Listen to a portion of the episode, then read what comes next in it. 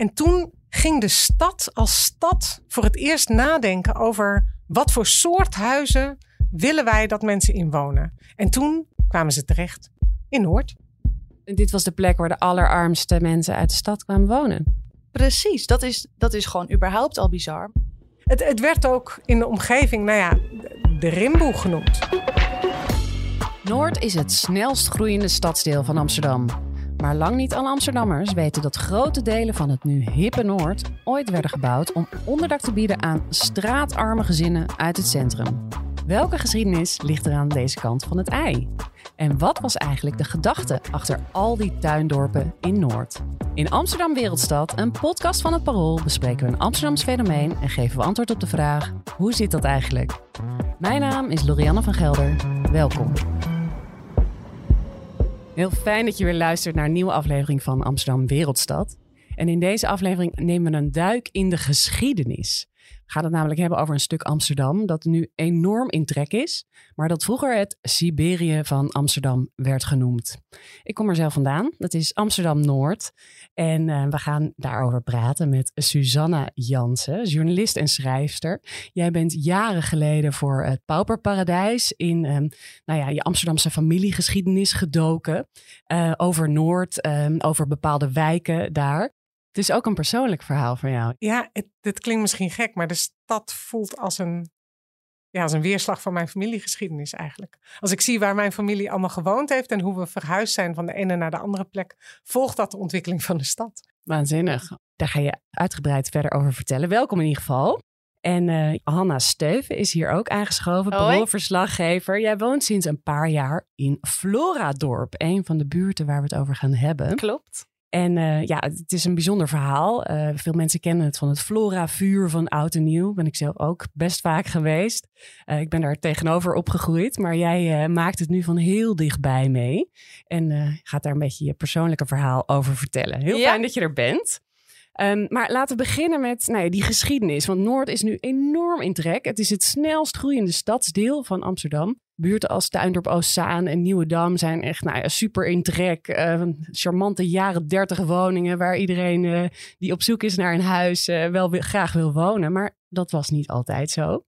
Om meer te begrijpen van hoe die buurten in Noord nou eigenlijk zijn ontstaan, moeten we dus echt terug naar de eind 19e eeuw. Susanna, wat, ja, kun je een beetje het tijdsbeeld schetsen van wat er toen aan de hand was in Amsterdam eind 19e eeuw op het gebied van wonen? Ja, om te, om te begrijpen waarom Noord nu is zoals het is, moet je inderdaad terug naar uh, eind 19e eeuw. Vanaf de industriële revolutie, ongeveer 1870, kwam die enorme trekopgang van het platteland naar de steden. En uh, de steden, en zeker ook Amsterdam, raakten overvol. Er werden in razend tempo hele slechte huizen gebouwd. Speculatiebouw heette dat, nou de pijp bijvoorbeeld. Um, en daar woonden uh, ja, hele gezinnen op uh, halve woningjes met rug aan rug woningjes. Hè? Uh, behangsel, papieren muurtjes ertussen.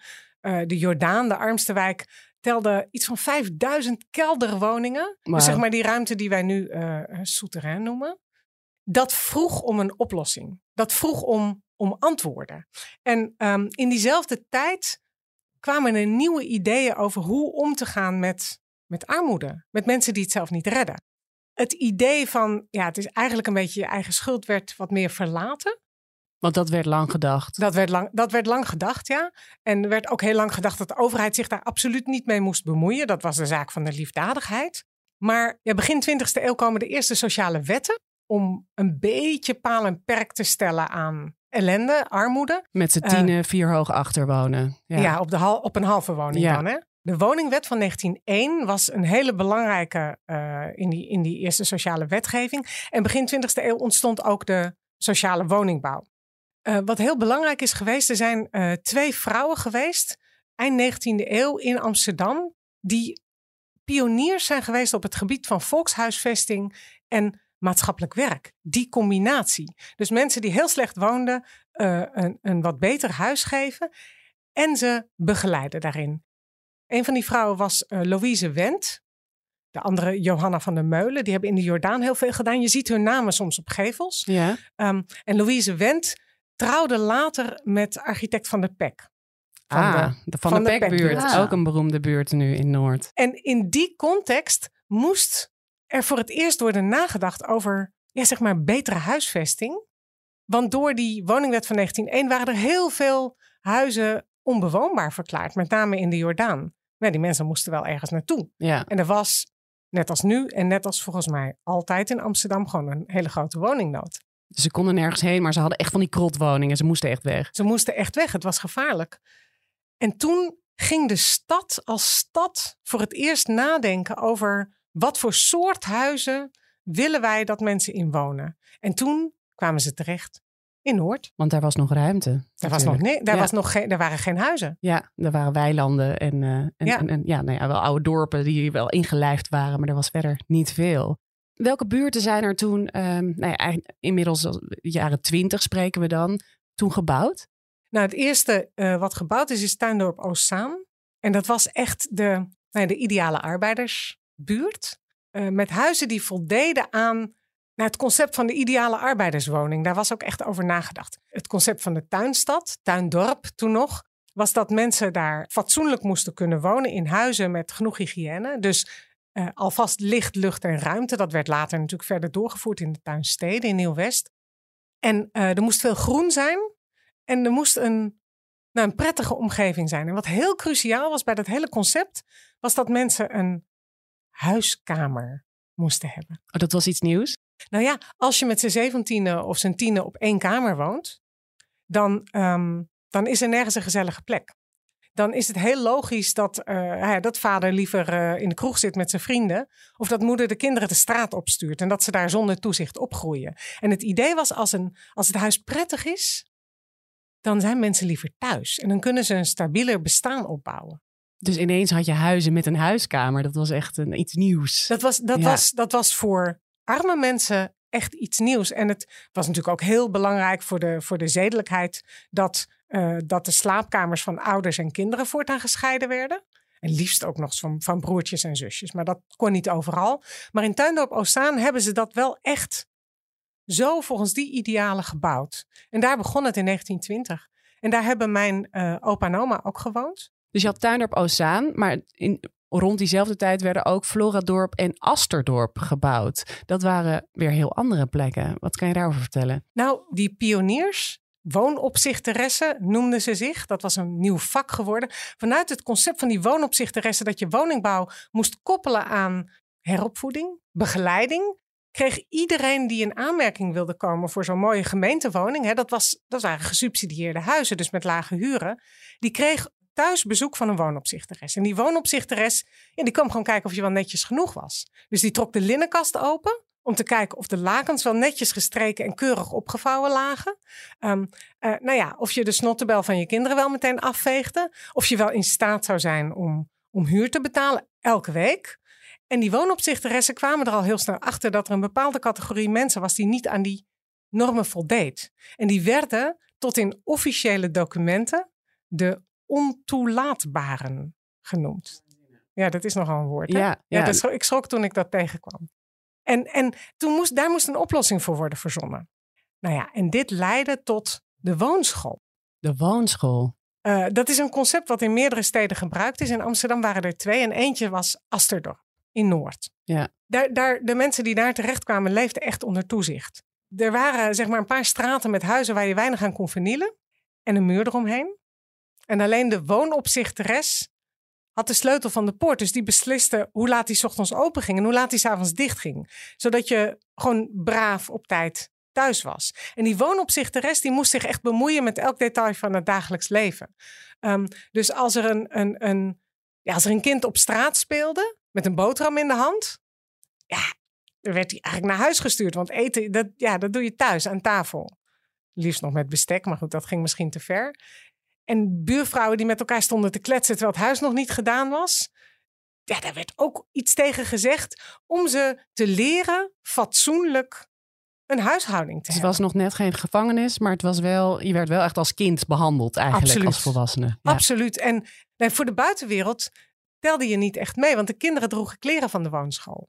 En dat leverde op school natuurlijk niet echt heel veel waardering op. Ook niet van de leerkrachten. Enorm stigma. Enorm stigma. En als je ging solliciteren als, als ouders, omdat je vast werk wilde, zodat je weg kon. Ja, als je je adres noemde, dan ja, dan kreeg je geen baan. Ja. En dan was er nog een andere categorie. Dus je had Tuindorp Oostzaan als prachtig. Nette voor, arbeider. De, voor de nette arbeiders. Je had eh, de woonschool. En er waren natuurlijk meer wijken, hè, zoals, zoals Nieuwendam en, en, enzovoort, die, die voor de nette arbeider waren. En had je die woonschool voor, nou ja, mensen die moesten toezicht hebben. En eh Flora Dorp was een soort tussenvorm. Dat was een wijk met speciaal toezicht. En niet iedereen die daar woonde stond onder toezicht. Ehm, maar het gold wel als een asociale buurt. Een asociale buurt, wauw. Dat was, het, dat was de blik van buitenaf. Hè? Dat is niet dat ik dat vind. Nee, Want er woonden gewoon mensen. En die hadden omstandigheden. Eh, dus dat zou ik zelf nooit asociaal noemen. En dat is, ja, het, het werd ook in de omgeving, nou ja, de Rimboe genoemd. ja. En jouw grootouders woonden in Ja, mijn- Floradorp Ja, uiteindelijk. mijn opa en oma zijn begonnen te wonen in Tuindorp Oostzaan. Ehm, er waren heel veel problemen. Mijn opa was eh, verslaafd aan de drank. En mijn oma wilde per se dat haar kinderen, haar oudste dochters, naar de MULO gingen. En niet na de lagere school en nog twee jaar huishoudschool knoopsgaten gingen naaien. En dat was, dat was eigenlijk bijna niet op te brengen. Ehm, en eh, op een gegeven moment heeft ze bij de steun, want ze waren afhankelijk van de steun, gevraagd om tramgeld voor haar dochter om naar de Rosa Mulo te kunnen gaan. Eh, nou ja, vlakbij Floradorp. Dat kreeg ze niet om een formele reden. En toen hebben ze een kans gezien om te verhuizen naar Floradorp. Daar was de huur lager. En ze zaten dichter bij de Mulo. En mijn, ehm, mijn opa en oma stonden niet onder toezicht. Maar het was wel een asociale buurt. Hanna, wist jij dat, dat je naar een, aso- een voormalig asociale buurt eh, ging verhuizen? ja, dat, dat wist ik wel. Dat, maar de rimbo, wat je net zei, dat is echt iets wat ik zelf dus nooit meer hoor. Dat hoor ik mensen ook niet gebruiken. ja, dat Ja. woordje rimbo, dat, eh, ja, dat werd door mijn familie nog wel eens eh, gezegd. Ja? Ik ben daar tegenover opgegroeid. Ja, ik wist dat ook niet, dat, het, dat er zo'n geschiedenis aan zat. Inmiddels is me dat wel bekend. Maar toen ik daar opgroeide, ik, ja, ik groeide op aan de Buiksloterdijk, zeg maar. De, ja, de, de, de chique kant van Noord. En eh, ja, wij keken wel altijd uit op, op Floradorp ehm, als eh, ja, de, een wijk waar je niet per se eh, kwam. Die, die pijnlijk, dat pijnlijke verschil, dat, dat beschrijf jij ook heel goed in je, in je boek, Suzanne. Maar dat heb jij dus echt nog Ik- ja. gemerkt. Ja, daar was, Ja, ja, ja. dat stigma van de rimboe, die, die term, die werd nog wel gebruikt toen ik daar eh, 30, 35 jaar geleden opgroeide. Ja, ja. Ja, Jouw, jouw oma, begreep ik, wilde ook niet dat haar kinderen zeiden waar, waar ze woonden. Voor mijn oma was het heel belangrijk dat haar kinderen zouden liegen over waar ze woonden.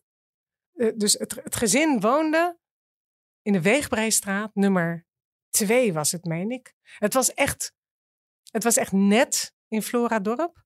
En mijn oma, die drukte haar kinderen op het hart om als iemand vroeg waar ze woonden, om altijd te zeggen in de Sneeuwbalstraat. Sneeuwbalstraat is de grens Ja, natuurlijk. de scheidingsweg tussen het de scheelde echt maar een paar meter, hè? Ja. En was dat dan echt- net chiquer? Of was dat dan net Niet asociaal. acceptabeler? Ja, Niet asociaal. gewoon niet asociaal. Ja, en dat Gek, is hè? echt, ik heb het ge- gekeken, vijf meter scheelt het of zo. Ja. Dat vond ik heel pijnlijk om te, om te horen. Dat, je, dat je, nou ja, dat mijn moeder eh, en haar zussen en broers zich als kind al moesten schamen voor, voor waar ze woonden. Ja, ja. Wie En- ze waren. En eigenlijk wa- waren die tuindorpen, ja, het is niet per se, of nou ja, de tuindorpen aan zich is wel goed mee afgelopen, maar, maar Asterdorp is dus afgebroken en het hele idee van Floradorp is ook, nou ja, veranderd. Eh, in ieder geval het toezicht. Dat, dat, dat, dat bestond op een gegeven moment niet meer. Asterdorp is, eh, is na de oorlog opgeheven. Ja. Het was heel goed bedoeld. eh, pakte niet zo goed uit. Ja. Daar wordt nu iets heel hips gebouwd. Ja, het zit in Buiksloterham. Ja, en het poortgebouw is er nog, want dat is op een gegeven moment veel later door een kunstenaar Ja, in je hebt inderdaad nog de genomen. Asterweg en nu wo- worden daar super ja, duurzame woningen gebouwd. Ja, het is Ja. een hele hippe, eh, aantrekkelijke, dure wijk geworden. Ja. Ja. Hanna, jij bent op een gegeven moment naar eh, Floradorp verhuisd. Ja. Eh, ik denk dat heel veel mensen het inmiddels kennen als eh, ja, die, die charmante huisjes eh, in, in roze en, Ja. eh, en, en, en grijs-blauw. Toen ik opgroeide waren ze nog een beetje eh, gelig. Eh, toen ze werden gebouwd waren, waren ze van baksteen gemaakt. Ehm, ik denk dat eh, het onvoorstelbaar was eh, voor heel veel mensen dat Floradorp eh, ook juppen zou krijgen. Want jij bent eigenlijk een jup die daar is komen wonen. Totaal, daar moeten we gewoon eerlijk over zijn. Ja. Ik ben gewoon een jup. Ik woon er nu eh, bijna vier jaar. En ehm, Ja, dat, dat, dat imago, dat, dat wordt misschien nog wel eens gekscherend gezegd bij vuurwerk of dat soort dingen. Maar inmiddels is dat wel echt heel erg veranderd. Want mensen willen hartstikke graag in Floradorp wonen. En uh, dat, dat is best bijzonder. Maar het zijn natuurlijk hele schattige huisjes, rijtjeswoningen, tuintje erbij. Daar, ging, daar viel ik natuurlijk ook als een blok voor. En, werd je meteen omarmd door de buurt? Of is het, ja, het is best wel een, een apart buurtje. Je, je fietst er niet zomaar doorheen. Het is best wel. Je hebt er in principe niet zoveel te zoeken. Het is echt een, echt een woonwijk. Ja. Ik werd zeker omarmd. Dat, uh, dat, dat viel me eigenlijk alles mee. Ik heb meteen heel goed contact gekregen met alle buren. En ja, als je me ook zou vragen van, ja, hoe karakteriseer je nou eigenlijk Flora door? Wat maakt het nou zo'n uniek wijkje van Amsterdam? Dan is dat, dat, en de naam zegt natuurlijk ook al, het is echt een dorp in de stad. Dus er is heel veel behoefte aan contact tussen buren onderling. Wat, wat, wat ik bijvoorbeeld wel interessant vond, wij hebben in april een nieuw stuk gepubliceerd over de vertrek van Amsterdammers, uh, jonge Amsterdammers uit de stad. En zij gaven verschillende redenen op. Eén, uh, de huizen zijn te duur in Amsterdam. Twee, de huizen zijn te klein. Maar een heel opvallend uh, aspect van het onderzoek was dat Amsterdammers missen sociale cohesie en aandacht tussen buren. Daarom gaan ze uit Amsterdam. Nou, als je sociale cohesie zoekt, dan is Floradorp echt de place to be. Want je maakt gewoon heel snel een praatje. Mensen vragen ook gewoon: Hey, ben je nieuw hier? Waar kom je vandaan? En uh, weet je wel, wat doe je voor werk? Het zijn heel geïnteresseerd. En wat me ook heel erg opvalt, is niet alleen contact, maar het is ook heel erg helpen. Dus je hebt bijvoorbeeld een aantal heel uh, actieve stichtingen in de buurt. Eentje is Flora for Life, dat doet mijn buurman Patrick van Bronswijk. Die heeft een hele, hele klusafdeling um, opgericht om mensen te helpen met uh, het wieden van hun voortuintje, om een lampje op te hangen. Maar het zit ook in kleinere dingen. Mijn buurvrouw, toen ik er net woonde, zei ze ook: Ja, Buf, kan je even Febo voor me bestellen? Want dat kan niet meer telefonisch. En ik heb zin in een patatje. Weet je wel, dat is. Dat kon je even op je appje. Ja, ik regel dat gewoon even met Uber Eats. Weet je, geen probleem. Zij blij, ik blij. Dus dat, dat zit er heel erg in. En wat ik ook nog wel opvallend vind, het is niet dat uh, alleen, laten we zeggen, de, de oude garde dat aan mij zou vragen, maar ook tussen de, tussen de nieuwkomers onderling is dat ook wel heel erg. Dus ik heb een jong stel verderop wonen. En die vragen ook als we op vakantie gaan: kan je twee weken lang even de kat te eten geven? Of een buurman was aan, zijn badkamer aan het verbouwen, die hebben we geholpen. Dus dat zit heel erg in die wijk, dat helpen van elkaar. Hiervoor woon ik in Centrum en in Zuid. En was ik ook zo iemand die niet eens wist hoe je buurman heet. En vond ik dat ook wel prima. Uh, in Floradorp is dat echt anders. Komt ook door de opzet van de huizen natuurlijk. Er zijn kleine huizen. Je woont vlak naast, weet je wel, tegenover elkaar of naast elkaar. Je deelt uh, de schutting. Dus uh, dat, dat maakt ook een heel groot verschil dan wanneer je in een appartementencomplex of zo woont. En merk je nog iets van die geschiedenis? Er zijn generaties, families die daar nog wonen. Of, of is de, het echt heel erg veranderd inmiddels? Nou, er wordt best wel graag over vroeger gepraat, natuurlijk. Dus je hebt het Noorderparkpad. Nou, dat wordt gewoon het Flora Parkpad genoemd. Oh, ja, Tuurlijk. Dat, dat, dat, gaan ze echt niet zomaar ineens het Noorderparkpad noemen of zo. En, uh, en uh, ja, dus daar wordt wel veel over gepraat. En je loopt door die huizen en je ziet dat ook. En ook vanuit het idee dat het zo'n stigma had. Merk je dat nog wel eens? Nou, dat is eigenlijk niet heel erg. Nee, ik denk dat mensen eigenlijk ook wel heel erg blij zijn om daar te wonen. En uh, weten dat ze toch ook wel een uniek plekje hebben uh, bemachtigd in Amsterdam. Ja, dus ja. het is echt meer de blik van buiten die dat. Ja, dat denk ik wel. Ja. ja. hoor. Ik denk dat het altijd de blik van buiten is geweest. Ja. ja. Want voor mensen die ergens wonen, zijn. Ik bedoel, je bent gewoon een mens en je woont ergens. Ja. Hoe is het voor jou dat, dat Floradorp nu zo, nou ja, hip wordt onder uh, jonge, kapitaalkrachtige Amsterdammers? Ja, dat hoort een beetje bij de ontwikkelingen van de stad. Ik bedoel, de, de, de pijp was echt slecht. En nu is het ook hip. De Jordaan, nou ja, dat was echt de slechtste wijk. En toen werd het hip en toen werd het onbetaalbaar. Uh, en nu is, uh, ja, is Noord aan de buurt. Aan de, ik, vind het, ik vind het ook natuurlijk hartstikke jammer, die gentrificatie. Uh, er gaat heel veel verloren. bijvoorbeeld betaalbare woningen voor mensen die, die niet zoveel geld hebben. Ja. Dat vind ik heel erg. Maar het is een soort, nou ja, als je naar de afgelopen honderd jaar kijkt, een soort ja, dat is een verschijnsel wat voortdurend plaatsvindt. Ja, ja, ja ik heb 35, 35 jaar Noord meegemaakt. Het is dramatisch veranderd. Anna, zou je ook zeggen dat, dat Noord um, echt al heel erg gegentrificeerd... Oh, moeilijk woord eigenlijk. veranderd is, gegentrificeerd?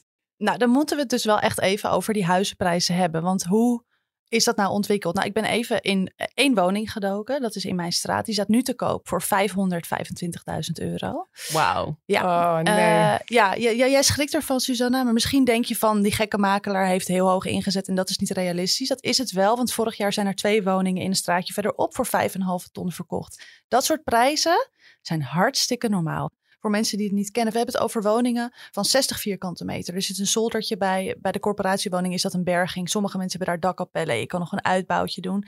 Maar laten we zeggen, het is echt maximaal 90 vierkante meter. Dus voor moderne gezinnen van deze tijd hebben al snel best wel wat meer ruimte nodig. En gaan ook weer best wel snel weer weg. Dus dan krijg je dat het huis steeds weer opnieuw in de verkoop komt en ook steeds duurder wordt. En Dus dit, en dit was de plek waar de allerarmste mensen uit de stad kwamen wonen. Precies, dat is, dat is gewoon überhaupt al bizar. Maar als je gewoon even kijkt naar de situatie nu in de straat.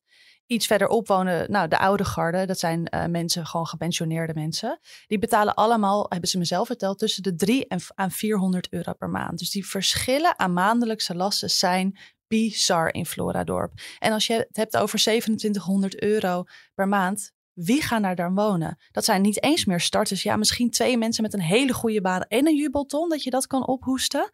Uh, en datzelfde huis, ik heb ook even gekeken voor hoeveel dat is aangekocht in 2017, zes jaar geleden, voor 240.000 euro. Dat is meer dan verdubbeld in zes jaar tijd. Dus als je vraagt, gentrificeert Floradorp? Aan de ene kant ja, want dat, er komen kapitaalkrachtige mensen wonen in huizen waar vroeger, wat vroeger gewoon een corporatiewoning was en waar gewoon sociale huur. Dus dat zou nu max 740 euro zijn. Dus er komt 2000 euro bovenop. Dus ja, het gentrificeert. Maar um, de verhouding woningen tussen koop en corporatie, dat valt in Floradorp nog wel mee. De laatste cijfers die ik kon vinden zijn van 2019. Dat is 80% corporatie en 15 koop. Dat is sindsdien niet heel, heel veel meer veranderd, als ik het zo zie. Dus in die zin valt dat nog wel mee. En um, wat het meest zichtbare is qua gentrificatie, denk ik, van buitenaf, zijn natuurlijk de voorzieningen. Weet je wel, de, de, de hippe... Ja, de kroegjes, De hippe de, kroegjes de of koffietenten of misschien musea of culturele dingen. Dat heb je in Floradorp zelf uh, niet, want het zijn gewoon alleen maar huizen eigenlijk. Ja, je hebt twee pizzatenten en een grillrestaurant, maar er zijn geen hippe koffiezaken. Maar ietsje verderop wel, daar is de Papaverhoek. Ken je dat? Ja. Nou, dat is eigenlijk, het is een, ja, ik vind dat dus een heel leuk stukje, maar daar komt gewoon alles van hip Amsterdamse horeca komt daar samen. Je hebt de Keuvel, daar kan je lekker een tosti eten met je kinderen.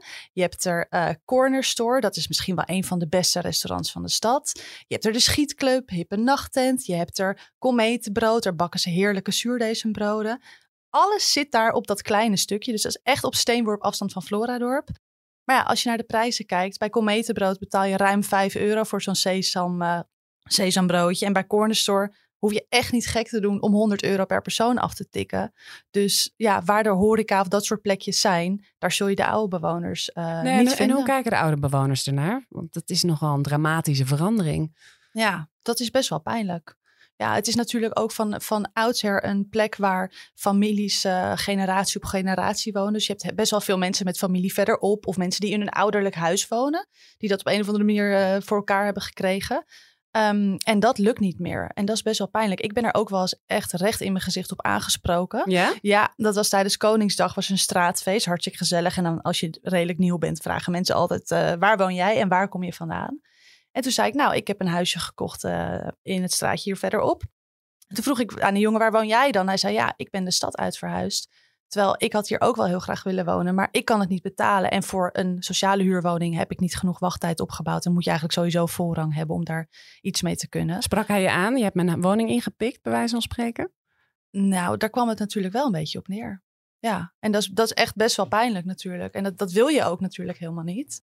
Maar dat gebeurt wel in Floradorp. Dus verdringing in die zin is er wel degelijk. Ja. ja. Ja, en, en Suzanne, jouw moeder vond het juist 30 jaar geleden, uh, begreep ik, heel heftig dat jouw uh, zus in Noord ging wonen. Want jullie waren eigenlijk uh, nou ja, met gierende banden, bij wijze van spreken, uit Noord vertrokken.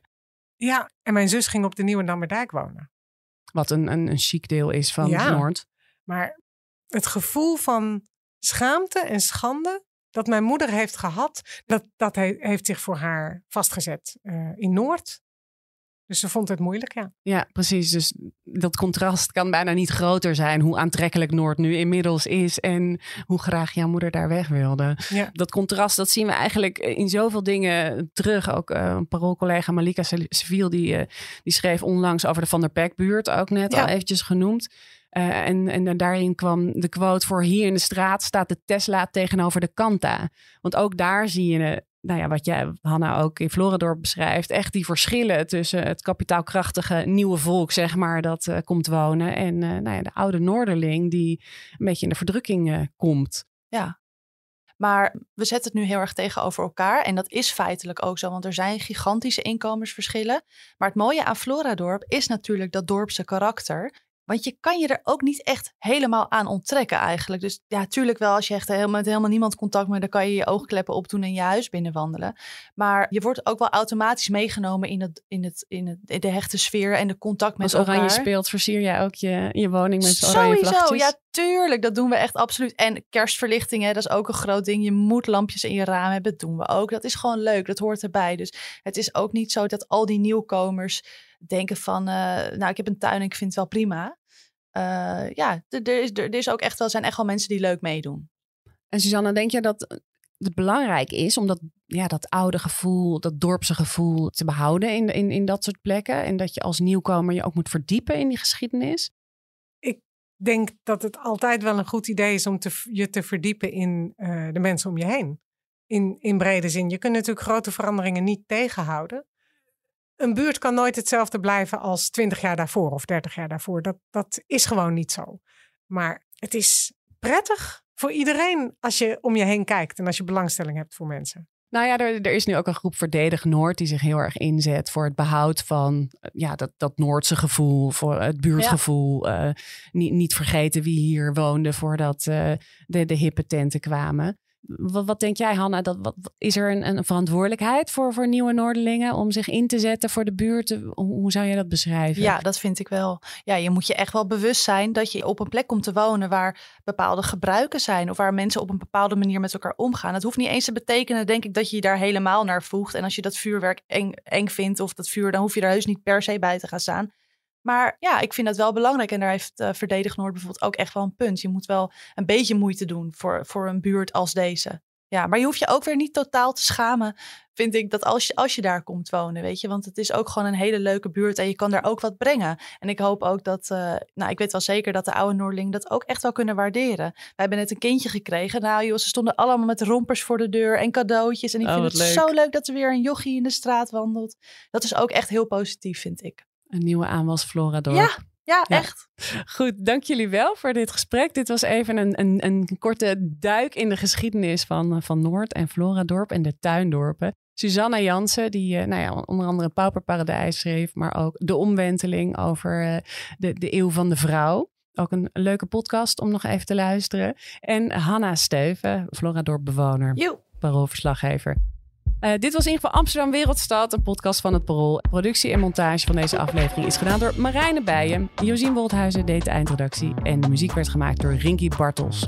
Het artwork is van Sjoukje Bierma. Wil je nou meer lezen over Floradorp en over Noord? Ga dan naar parool.nl of download de Parool-app. De artikelen van Hanna en Malika en andere collega's, die zetten we ook in de show notes. Reageren of vragen stellen kan via podcast.parool.nl. Hartelijk dank voor het luisteren en tot volgende week. week.